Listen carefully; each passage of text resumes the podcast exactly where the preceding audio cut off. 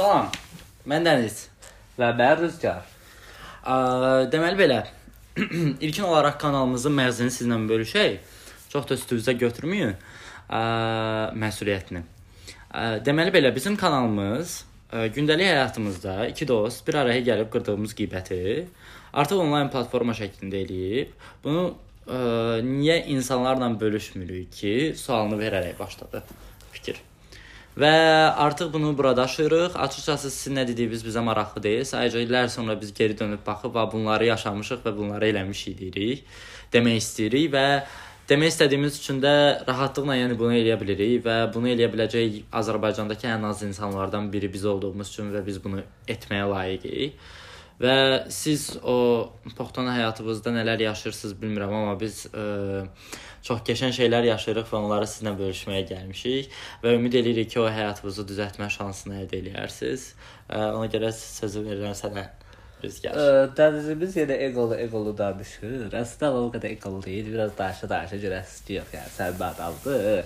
Ancaq xoşu gəldi belə şeyləri falan filan. İndi çox da qırılacaq xətirdi.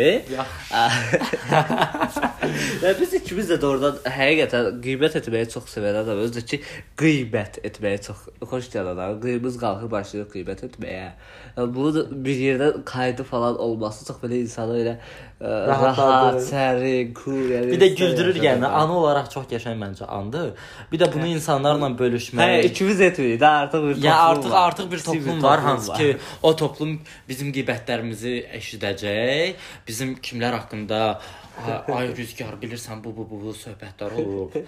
Xəbərim var. Və unudulmur da. unudulmur. Yəni səhərsi gün eyni qeybəti, yəni Hə, yəni normalda bir həftə öncə etdiyimiz qiyməti ə, Rüzgar mənə xatırlatdı. Rüzgarda da Allah.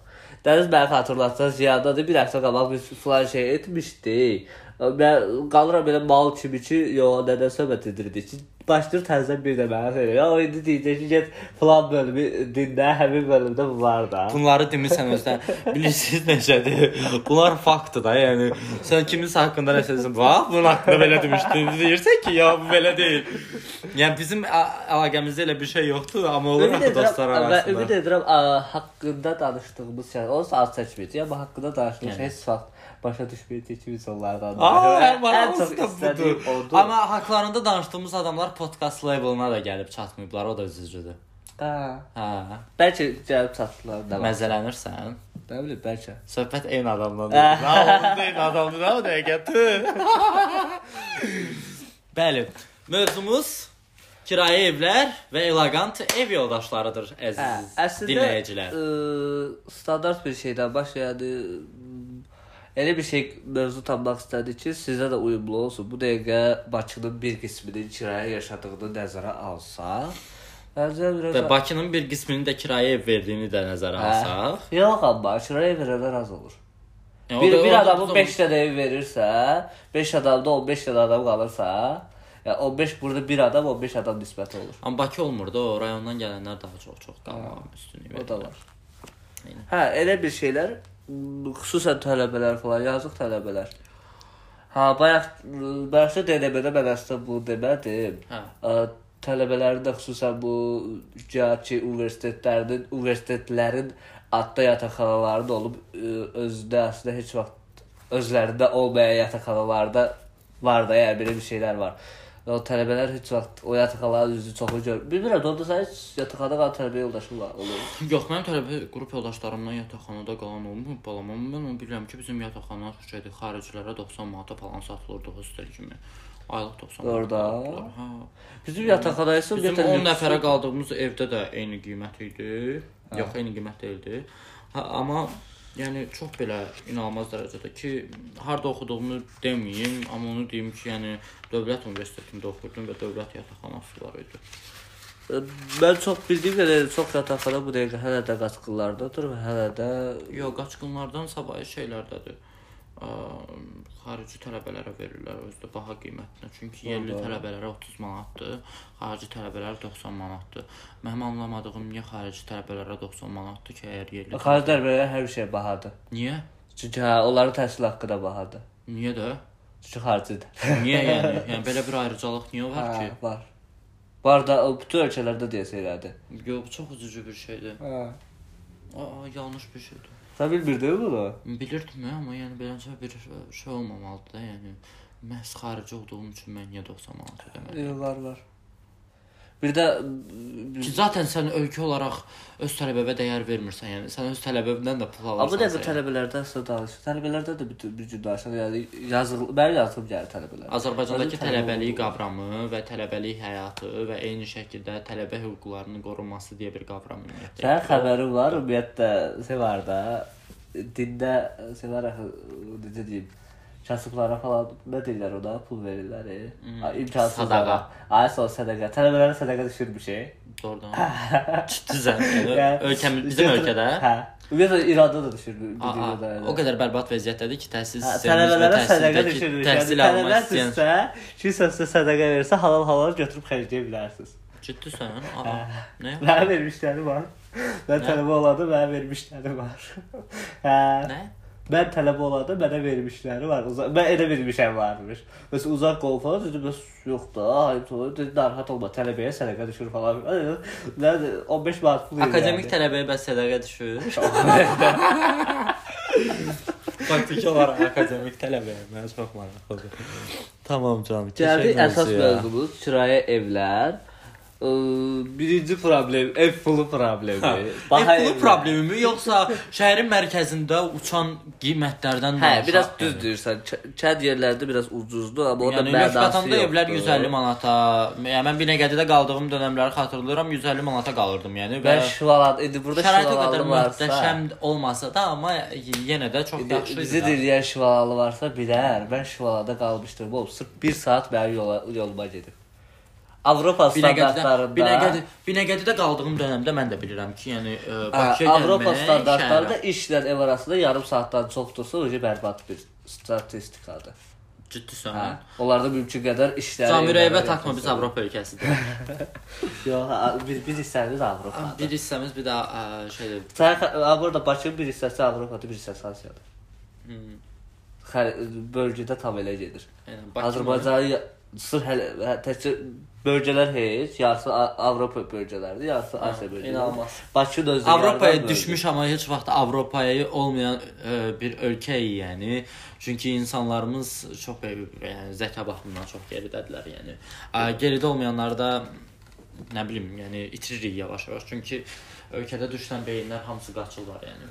A ki, bunu da bunu da bildirməliyəm ki, bunu da bildirməliyəm ki, bir il sonra bu podkastlar xaricdən yayımlanacaq. İnşallah, inşallah. Bəli. Çünki biz xaricə köçürük. O vaxt ki bizi orada tutmasa.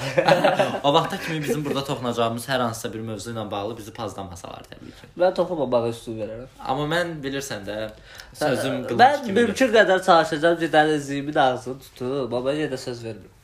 Tamam, sən ağzını tuta bilərsənmi? Mümkün qədər. bir bazar arvadı qədər güclüyəm mən. mövzu, mövzu, mövzumuza qayıdaq. Mövzumuzdan çox, durun. Bayaqlar belə deyildi. Ha, bayaq belə Bizim deyil. bir çox İndi rahat hiss eləyirik özümüzü, çox komfortluyuq Bizim yəni. bu üçüncü dedemimizdir. Ümid edirəm və sonuncu dedemimiz. Eynən, eynən, artıq yetər, kafi. Kirayə pulları okey, tutaq ki bir normal kirayə pullu ev tapa bildin ki mümkün deyil o. Tapmışam da. Hə, onun üçün artıq nələrsə qurban verməlisən. Bəli. Mələri qurban verdiyimi sayım tək-tək. Üzr istəyirəm, sözümü Hə. kəsəm. İsti suyu qurban vermişəm. Ə, yəni istilik sistemini qurban vermişəm. Paltaryanı qurban vermişəm. Sonra kanalizasiyanı qurban vermişəm. Bu dörd şeyi qurban vermişəm. Yəni insan həyatında bir evdə olmalı dörd önəmli faktorlardan biridir də.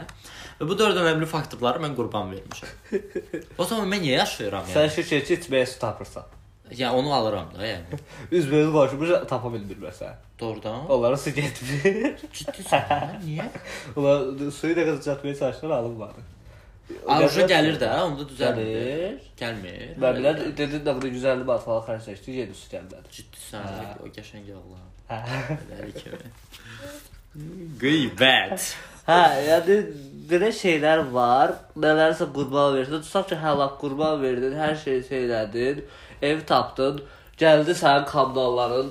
Sən düşünmüsən ki, hə, 350 manata pul verəcəm. Ayın axırı görürsən ki, oha, 50 manatlıq işıq yazıb. Nə bilim, e, Wi-Fi falan filan. bir ki, yəni 100 manat artıq nəzərə alın. Amma mən bu kommunalda şey anlaya bilmirəm. Məsəl üçün rüzgar. Amma mən telefon istifadəçisi deyiləm, ev telefonu yəni. Və mən ev telefonunun pulunu ay-bay ödəyirəm yəni. Hə, çünki internet istifadə. Çünki internet istifadə edirəm. Get şeyə fərdi fərdlərin ev telefonu olmayan. Optik kabellərə Onlar da bahadır amma. Nə qədərdir? Yox, özəl şirkət, özəl internet verən şirkətlər var. Alfanet kimi. Aynen. Bir də buna yazı reklam edirik. Aha, rekl- reklamda bir link kimi Hə, falan. hə, elə şeylərdən falan var, məsələn, sağ falan. filan. Amma onlar da yaxşı işlər, arada çökür onlar. Ha.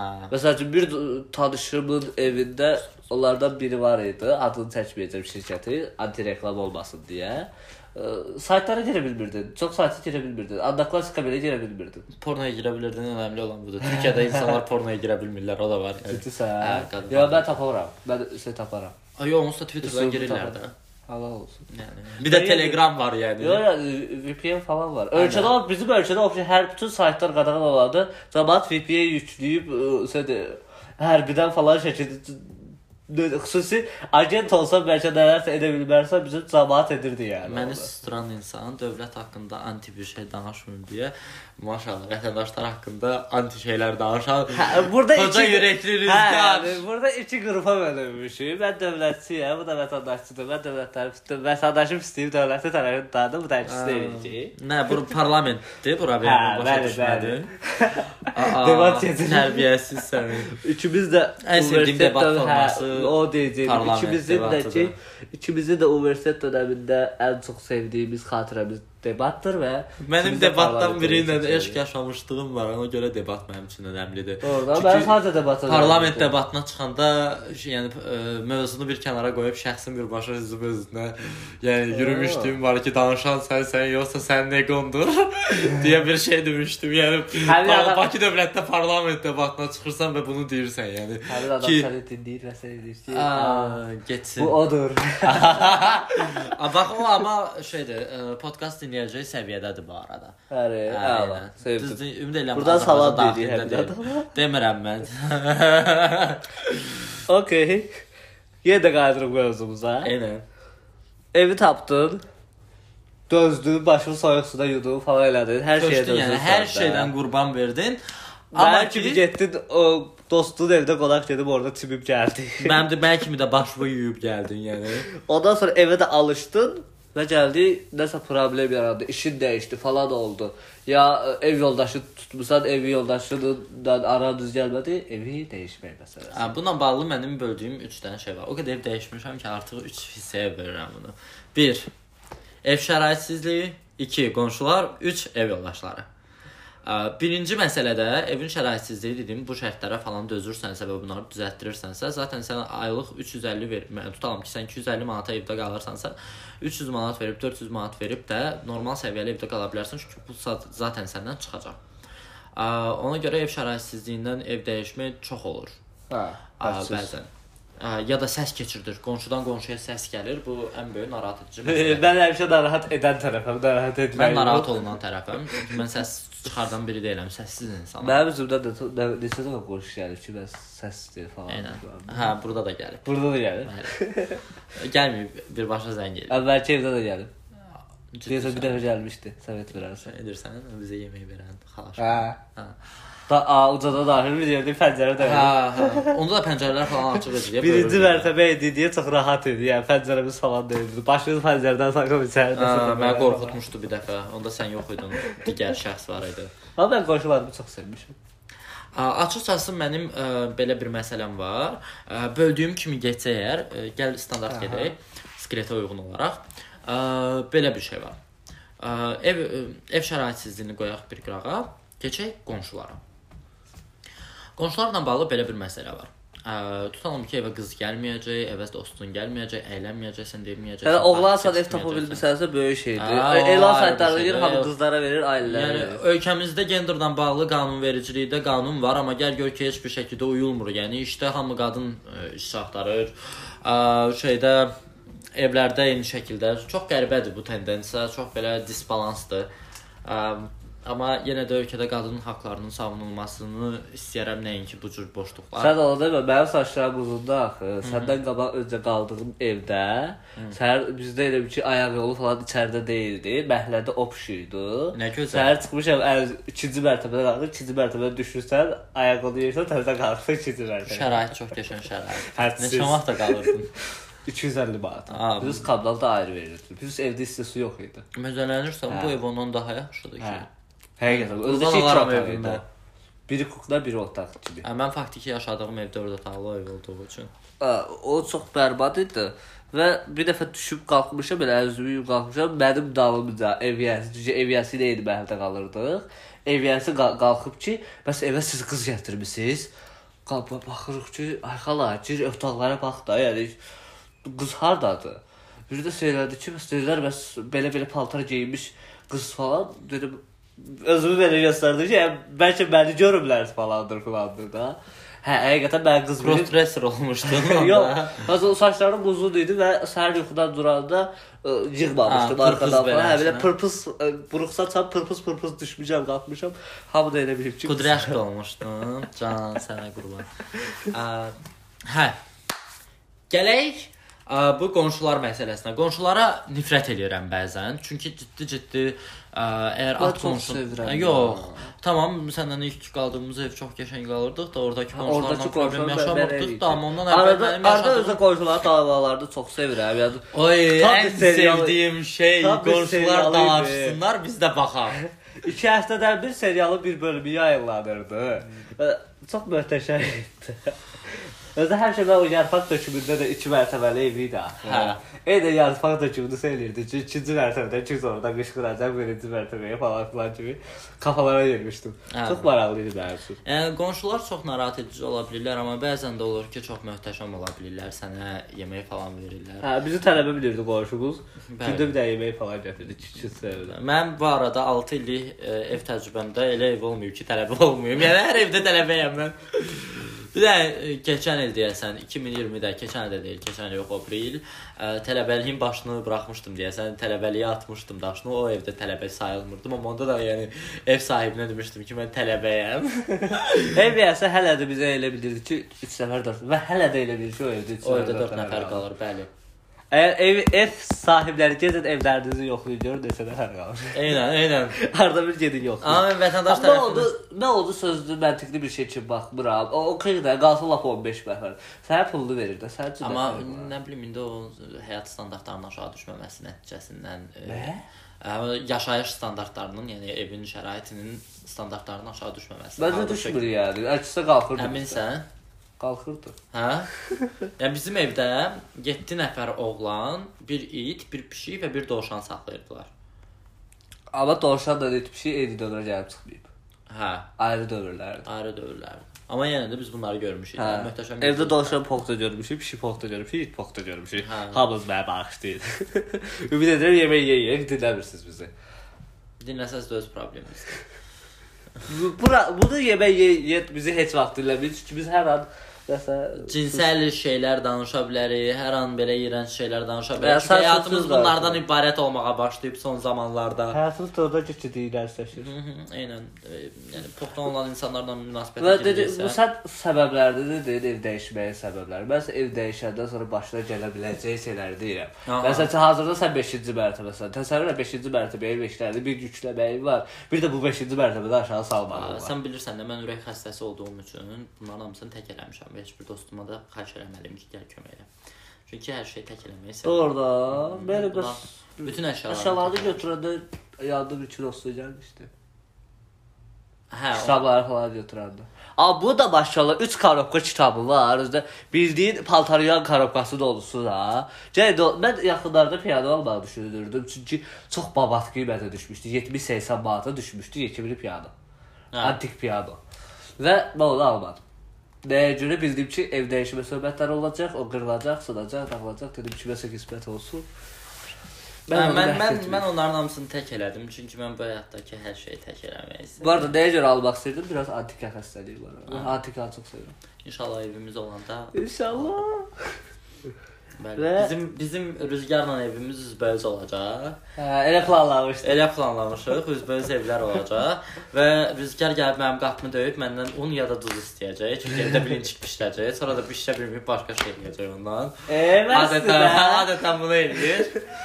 Mən bir dəfə evdə bilinçik bişirmək istəmişəm. Bilinçikin xəmiri çox sulu oldu ya da çox qatı oldu, hələ də bilmirəm. O bişmədi. Sonradakı option tavanın yarısı dağıldı yerə. Tava deyəndə sə ilki bir qabda çox 1 litrə yaxın su hazırlamışdım. O yarısı dağıldı yerə. Onu silmək oldum. O bir yarısı da hamısı yekə bir tavaya boşaldım.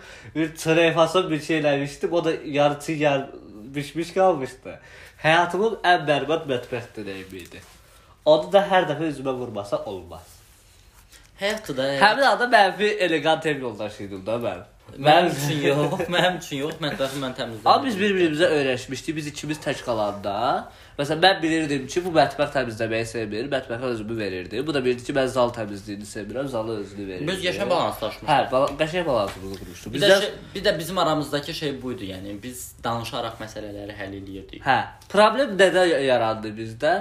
Biz ə, dediyim kimi birimiz bir şey sevməyib digərsəyi sevirdiksə, yeni gələn ə, ev yoldaşlarımız heç nə etməyi sevmirdi. Problem ondan sonra sondaydı. başladı. Və biz gördük ki, ə, ə, Dəniz hər zaman ə, qonaq otağı yığışdırır, Rüzgar hər zaman mətbəxi yığışdırır və bəzi adamlar var ki, heç vaxt heç yığışdırmır. Bəli, və zənn edirdilər ki, bu belə davam eləyəcək. Ondan sonra da problemlər yaranmağa Bəli. Artıq keçək elegant Mümkün qədər hə, çalışır çox evdə ev yoldaşı ilə qalmır. Hə, elə alt bənd elə o gəlirdi. Çünki ev yoldaşlarının çoxluq poxluqdur sözü burada keçərlidir və eyni şəkildə ə, bunu deyə bilərəm ki, çox üzülürəm buna.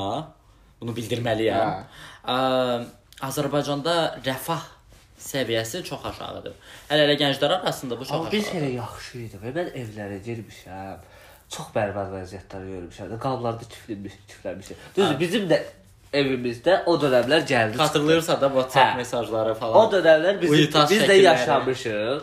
Ki e, bizim də qablarımızda 3 gün, 4 gün, 5 gün yuyulmayıb qalıb kifləndiyi vaxtlar olub. Amma bəzi evlər var ki, hər bir şeylərdir.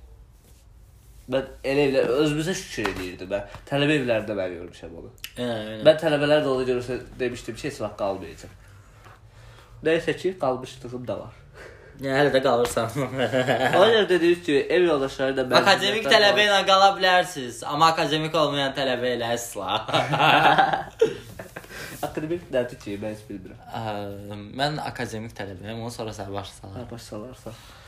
Amma bəs başsalarsa amma. Yəni kəsilən tələbəyəm də, başa düşdün? İndi kəsirlərimi otururam, akademik tələbə deyirlər. Mən də deyirəm bir üstündə idi. Başımı yerə soxmayıb səni. Üstünlüydü də canım.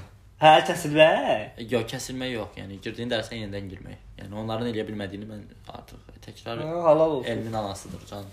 Kaş hər kəslər özünü belə soxuşdura bilərdi. Yəni, ə, mən bir dostum demişdi ki, bir iş görüşməsinə gedəndə, önəmli olan sənin nə bacardığın deyil, önəmli olan sənin özünü necə satdığındır. Çünki biz hamımız dünyaya gəlmişik ki, özümüzü sataq və fahişədən bir fərqimiz yoxdur əslində. Və mən iş görüşməsinə gedəndə bunu anlamışdım. Mən də o etmişliyim var amma. İndi Özünü deyirəm sənə, mən bunu yəni bilinçsiz şəkildə amma belə etmişliklərim olub. Mənfi xüsusiyyətlərimdən falan da çox belə özümü sıyırmışam yəni. Hə. Ki mən möhtəşəməm, mən falan, mən sizə məhz lazım olan işçiyəm. Siz məni götürməkdən uğur qazanırsınız. Amma mən bunu eləmirəm. Mən daima qarşı tərəfə bildirirəm ki, yəni sizin mənim kimisinə ehtiyacınız var. Hə.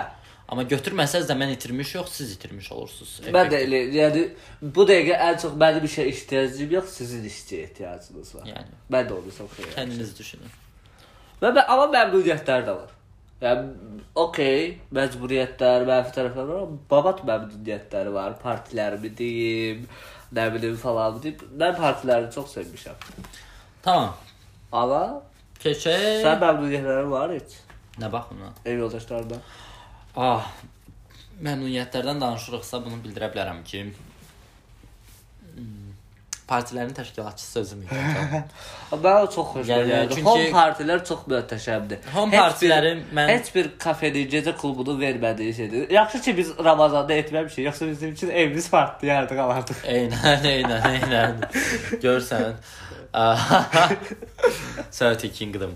Um, Sənin xəbərin var? İndi indi kəmin o evdə yaşayanlar ad günü bu ay olacaq. Hə, Park hə, olacaq. Ad günü vaxtı da dəyişdirdim. olacaq. A, Maya keçdi, hə. Kömək oğlum qorxusu. Qorxu. Mən indi belə bir şey deyim sizə, ə, ki, məmnuniyyətlər deyəndə əslində belə bir şey var. Home partilərin təşkilatçısı özüm idim. Deyə bilərəm ki, hətta ölkədəki ən möhtəşəm home partisini özüm keçirtmişəm. Bu arada sənin sponsorluğu, yəni bu kanal Dəniz bəyin sponsorluğunu edir. Siz də öz, öz evinizdə home partilər təşkil etmək istəyirsinizsə, bizimlə əlaqə saxlayın zəhmət Eynən. olmasa. Biz mail adresimizi əslində qoyacağıq bura. Yəni Okay. support kimi bizə geri dönüş eləyə bilsinlər. Okay.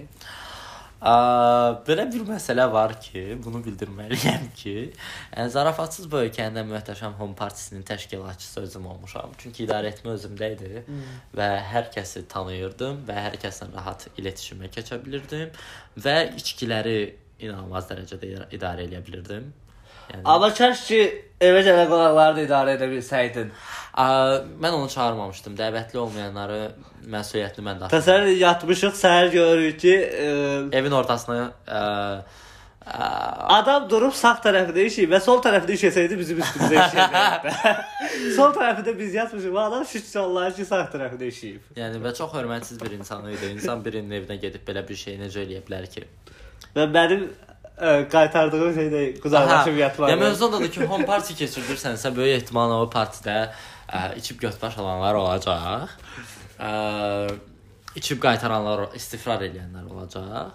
Ə, içib çox babat əylənənlər olacaq. İçib bəkdən danışanlar olacaq. İçib ə, ə, kimisə qapısına Qonşular olacaq. deyəsən qonşuları sevmirik, qonşulardan bir cındır səs Hə, çıxmadı. halbuki ev sakinlərindən biri yaxınlaşıb mənə yalanla desə ki, qonşu gəlmişdi, başa düşürük, kiminsə ad günüdür, səssiz olub Doğrudan desə də, ya. amma elə bir söhbət olmayıb, çünki qapı döyülsəydi mən eşidərdim, qulağım qapıdaydı. Və Ha. bildiyim qədərilə bizim yan qonşu o panyaskaya sahib deyil ki, gəlib qapını döysün. bir başa deyil. Yəni Bu da səs güdüyüm girə, bu da bodozlama girərsə bir Eynən. şa- bir şat da vurub çıxar da yəni. Eynən, eynən o potensiala sahibdir. Məmnuniyyətlər baxımından onu deyə bilərəm ki, mən həmin gün ev yoldaşımdan heç vaxt gözləmədiyim potensialda dəstək gördüm. Ha. Çünki mən çox məyus idim. Kimdən? Ə, Çünki şəxs evə şey elədiyi üçün, çiş elədiyi üçün. Hə, şeylədik. Hə, evet. çox üz üzgün idim və çox əsəbi idim. Mənim Hə, bildim nə edirsən. Çoxdan vəziyyətə salmışdı. Və o şəxs, yəni ciddi-ciddi o günü aldı ələ və məni dedi ki, özünü toparla, bunlar olan şeylərdir, bunlar baş verə bilər, narahat olma, hər şey qaydasındadır. Mən sənə kömək eləyəcəm, o yan bu yan və hər şeyi kömək elədi mənə. O baxımdan məmnuniyyət olaraq mən ev yoldaşlarımın pis tərəflərində, yaxşı tərəflərində bilən insan oldum. Və məsəl üçün e, bu Rüzgar Dəniz qaplı, qaplı deyə deyəsə də, dost qaplı. Friendship goals. Hə, bu elə ev yoldaşlığından başlayıb bizdə və yaxud digər hələ də bizim köhnə ev yoldaşlarımızla da əlaqələrimiz var, o da başlayıb. Və mən bütün ev yoldaşlarım məni çox sevirlər. Çox gözəl. Eynən. Amma gözəl olduğum üçün yox, mən düşünürəm ki, mənim Yox, ürəyini deyirəm yəni. xüsusiyyətlərim çox gözəldir. Yəni bayaq da sizə dediyim kimi, ə, səsin ə, öncə yəni podkastın əvvəlində bu nə qədər belə eqolu eqolu danışsa da axırda yaxın görürsüz ki, bunun bizə də minnacıq qalbi var yəni. Amma hər bir qəlbdə qırılmaqdan qorxduğu üçün ego ola bilər. Hə. Of course. Yes.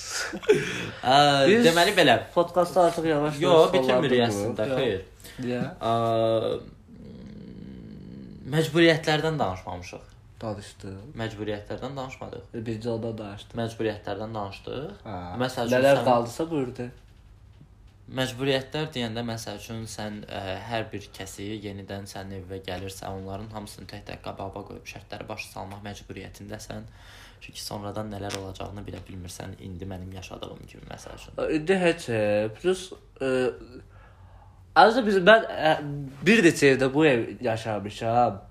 Okay, ev yoldaşıdır. Ev yoxdaşının qonağı gəlir. Hı. Ev yoldaşımın qonağı mənim qonağım. Okay. Heç bir sorun yoxdur. Bəs ev yoldaşımın qonağının qonağının Ay, mən onu deyəcəkdim. Ay sağ ol. Ev bir deyirsən ki, ev yoldaşımın qonağının qonağı gəlir. Yəni cidden ölkədə bəzən olur ki, o qədər panyatkasızca şeylər olur ki, yəni cidden biraz qaqalaşıram. Burada Mən özüm də qonaq kimi getmişəm. Olub ki, bir ay pul verməmişəm, qonaq kimi qalmışam evdə. Ki indi də qonağam. Ay, yox. Hate qona hate deyə burada qaqalara çox nifrət qusmaq istəmirəm, amma qaqaları heç sevmirəm. Və onların xitabları ilə desək payatkasız insanlar. payatkasız insanlar var məsəl üçün və bu çox üzücüdür. Anlayışsız olanları qəbullana bilmirəm. Yəni niyə belə olur mən bilmirəm. Məndən keçdi sənə bu. Siz indi bizi görmürsüz, amma biz burada elə bir formadayıq. Deydim ya, ev soyuqda köynəyimi ayaqlarıma keçirmişəm. Yəni. Əm, yaxşı, bəs bu şey məsələsini danışaq. E, ev yoldaşları ilə bağlı mətbəx problemi, yəni evə alınmalı olan əşyalar falan, Ha bazarı. bazarlıq məsəl üçün. Sən onu demə, biz qulağıma çatır. Deyirəm sonradan kimi yaşadıq evdə. Məsələ Hə. danış. Elə bir ki, e- Baxın, ev yoldaşlarından qeybət olduğu an budur. Hə, Əgər bu qədər vaxtı gözləmisinizsə və dinləyirsinizsə bizi, biz sizi çox sevirik. Təşəkkür edirik. yarım saat bizi dinləyirlər. Hə. Hə, eynən. Can. Bəs elə bir ki, e, bunlar bir ev tutublar. Evin müxtəlif otaqları var. Hər otağı eviyyəsi ayrı adama verir. Bunların bir-birlərinə xəbəri yoxdur. Hə.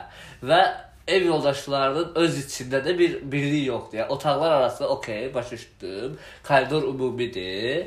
Bir ofis sayağı bir şey olub yəni çox çox. Koridor ümumidir və bunlar öz otaqlarında belə birlikləri yoxdur. Təsəvvür deyir qonaq getmişdim, danışan adam deyir. Qonaq getmişəm. Mən elə belə şeyi açdım, soyuducunu açdım və bir qartı dedi ki, soyuducunun qapı bağlı, orada sana ait heç nə yoxdur. Deyir sonra məsəl işte öyrəndim ki, bəs o adam tək özü özünə bazarlıq alıb və soyuducuda yalnız o bazarlığıdır. Mən bu söhbəti hardansa bilirəm. Həri. Mən bu söhbəti sən də başqası danışırsan hə? Hə, Hə. amma bu kimin başına gəlib? Deyərəm ki, başlayacağam. Hə? Adını unutmuşam, dərd orasındadır. Qulağına da biz. Hə, hə, Hə, hə, hə, bilirəm hə, o hə, söhbəti. odur, odur. Hə. Oy, dəli kimi. Hə. Və sən şey söhbətini bilirsən. Mən də səninlə söhbət danışım, Aha. hazır açılmışkən. Deməli bu köhnə ev yoxdur. Ə, Biz köhnə evdəyik Kaş ki, ayda bu, bu podkastı mənfi tərəfə oldu. Daha çox təəccüb edirsən. Zamanı deyirsən, ağzına. Aa, təbii ki. Ciddisən sən. Ə, Deməli belə bir məsələ olub. Deməli ə, bir şirkətdə işləyən bir şəxsin dostları gəlib. O şirkətdə işləyən, yəni o evdə 2 nəfər şirkətdə işləyirdi. Biri mən, biri də o birisi. Aha. Hə, fərqli şirkət. Ha ha ha. Hə. Bildin kimi deyirəm də. Sonra Abi doğru mən bir də o birisinin açıqlamasını deyim at çəkmədən. Yəni belə bir şey olub ki, otaq yoldaşlarından biri o ə, sadəcə bazarlığı özü üçün bazarlıq falan edir, full doldurub şeyi, maaşın Aynen. yarısını hardasa bazarlıq edir, full doldurub soyuducunu falan filanı və ə, hər kəsə deyib ki, ə, mənim əşya, mənim aldığım şeylərdən heç biri heç nə heç kimə heç nə toxunmasın. Falan təbii şeylər. sənə məxsus deyil də. Onu eləyən şey yığılan ki, mən də Hə, istifadə edirəm. hə yəni. Hə orada boşluq da saxlamayıb ki, bunlar da saxlaya bilirsən. Cındırlıq. Hə, bu köhnə evdəki məsəl üçün iki şəxsdən biri, Aha. mən evdə olmadığım dövrdə belə bir söhbət olub. Aha. Deməli, ə, uzun yoxdur. Aha. Ə, hə, bu şirkətdə işləyənlərdən birinin dostu gəlib evə, 2 nəfər. Ə, biri çox tərbiyəsiz biri olub, digəri çox səviyyəli və mədəni biri olub. Ə, deməli ə, şeydir. Ə, uzun şəxs var ki, o evdə girib ki, bəs şeydir, ə, ste stəkan şey eləməyə, bəs bu şəxs ə, stəkan yuyur, stəkan yuyanda bəs bu qonaqlardan biri girər kuxnaya deyər ki, sən kimsən? Aha. Belə formada o da belə baxar ona. Bildim, hə? bildim. Sən kimsən? O da belə baxar, belə hamı təkərə düşər ki, necə yəni də. Sən nə gəzirsən burada? Sən də bu nə nəzi bilgirsən burada? Bu nə hərəkət eləyirsən? Təmiz yu buraları, tez ol buramı elə təmizlə. Doğru. Ya Hə, hə. o da sənin ağırdılmış şəkildə danışıblar tez oldu. E, ben ama sırf belə bilirdi ki, bu da şeydi biraz üstümalı ben anladım. Adam adam öz evindədir. Otaq yoldaşının qonağı gəlir. Adam öz evində qalmır və otaq yoldaşının ev yoldaşının qonağı gəlib ona deyir ki, "A sən burdasan, sən burada nə edirsən yəni?" Belə bir Hə. şey olub da. Sən nə gəzsən Hə, burada? sən belə burada nə yazırsan? Və sonra ona qayıdıb stəkanını verib ki, al bunu təmiz yu, mən burdakı stəkanlardan iyrənirəm. Hə. Yəni bunu açıq-aydın bildirir və utanmazcasına bunu eləyir, yəni. Adam biraz özü sakit adamdı. O, o dəqiqə ağzına sıçmayıb. Yəni mən mən olsaydım. yəni, mən amma- olsam susardım ki, mən yəni, olsaydım. mənim evimdə irəli Sən kimsin Nə işin var burada? Yəni, deməli əziz Biraz dinləyicilər. evinizə qonaq gətirəndə ki, ev yoldaşı falan sizin də varsa, özünüz də evə qonaq gətirəndə baxın. Çünki məsələn mən özüm öz evə gətirdiyim qonaqdan utanmışlığım olub. Evə gətirdiyim Elədi. qonaq gözündən hər kəsi yeyirdi yəni. Canlılan şeydir. Və utanmışam yəni. Siz elə gətirəndə fikir verin ki, kimi gətirsiniz. Kimi gətirirsiniz. Deməli belə bu podkastın sonuna gəldik. Ümid edirəm ki, sizə əyləncəli olub. Belə sadəcə biz ə, həm problemləri, həm də belə maraqlı anları sizlə bölüşmək istəyirik. Təbii ki də, amma yəni sözünüzə qalıb Kəş dinləmək başqaları da qoşula bilsəydi biraz qarşılıqlı söhbət falan. Amma ehtiyac yoxdur. Çoxluq paxluqdur. Sözünü unutmayasınız. podkastda da elə. Eynən. Yəni ona görə bəlkə bir gün şeydə ə, bu house partilər, ə, şey onlayn platforma var idi. Bir parti keçirdirdilər oradan onlayn. Proqramlar yadımdan çıxdı. Ə, oradan açıb ə, uşaqlarla danışa bilərik. Yəni sadəcə yəni, biz podkastın şeyləri falan filan. Və beləliklə əziz izləyicilərimiz bu podkastın sonuna gəldik. Təşəkkür edirik dinləmisinizsə əgər. Dinləməmisinizsə də bu bizə heç maraqlı deyil. Dinləməyiblərsə ona yəni satmayacaqlar. Yəni, aha. Hələlik özdə Dinləyən hər kəsi öpüb bağrıma basıram. Bunu mən dəniz olaraq eləyirəm şəxsən. Çünki mənim bir şirin tərəfim də var ki, onu oya- oyanır arada bir, sonra ölür. Ə, Çox şirin ya bu, pompuş. Aha, eynən. 75 kiloyam, o qədər də pompuş deyiləm məncə. Bu da mən şirin canım. Okay. Deməli belə, ə, bağlayaq artıq Vallahi hələlik özdə yaxşı baxın, işiniz aman olsun. və rəngarəng qalın.